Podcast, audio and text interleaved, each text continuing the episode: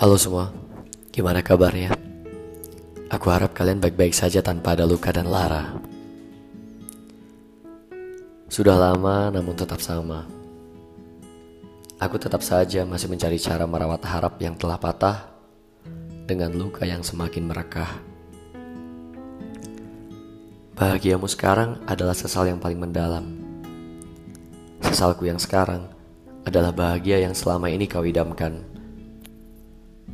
Mungkin saja aku yang terlalu mencintaimu, atau kau yang terlalu kuat melekat di benakku.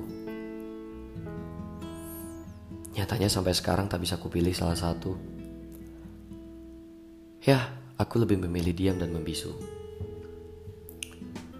Pagi ini aku terbangun dengan mata yang sedikit berkaca dan sadar pada akhirnya hanyalah aku yang merasa kehilangan, sedangkan kau merasa terbebaskan karena mungkin tak ada lagi yang mengusik harimu.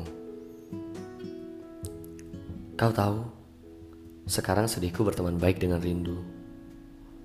Aku rela mati berkali-kali demi membayar rinduku melihat guratan indah senyummu.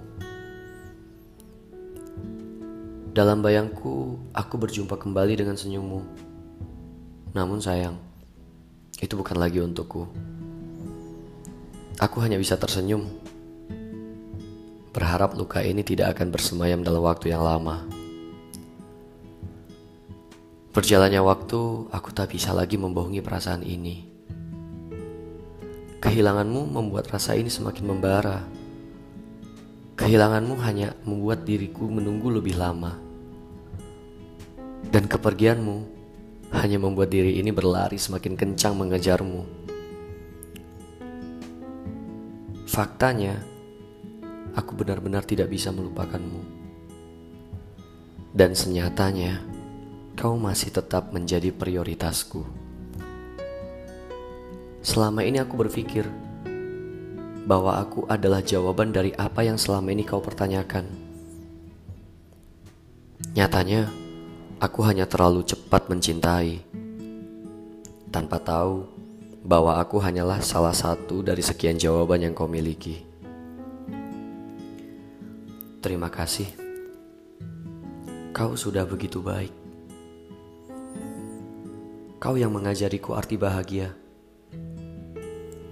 Kau juga yang mengajariku perihal makna mencinta. Tapi Kenapa tidak kau ajari aku cara bertahan untuk menghadapi kepergianmu?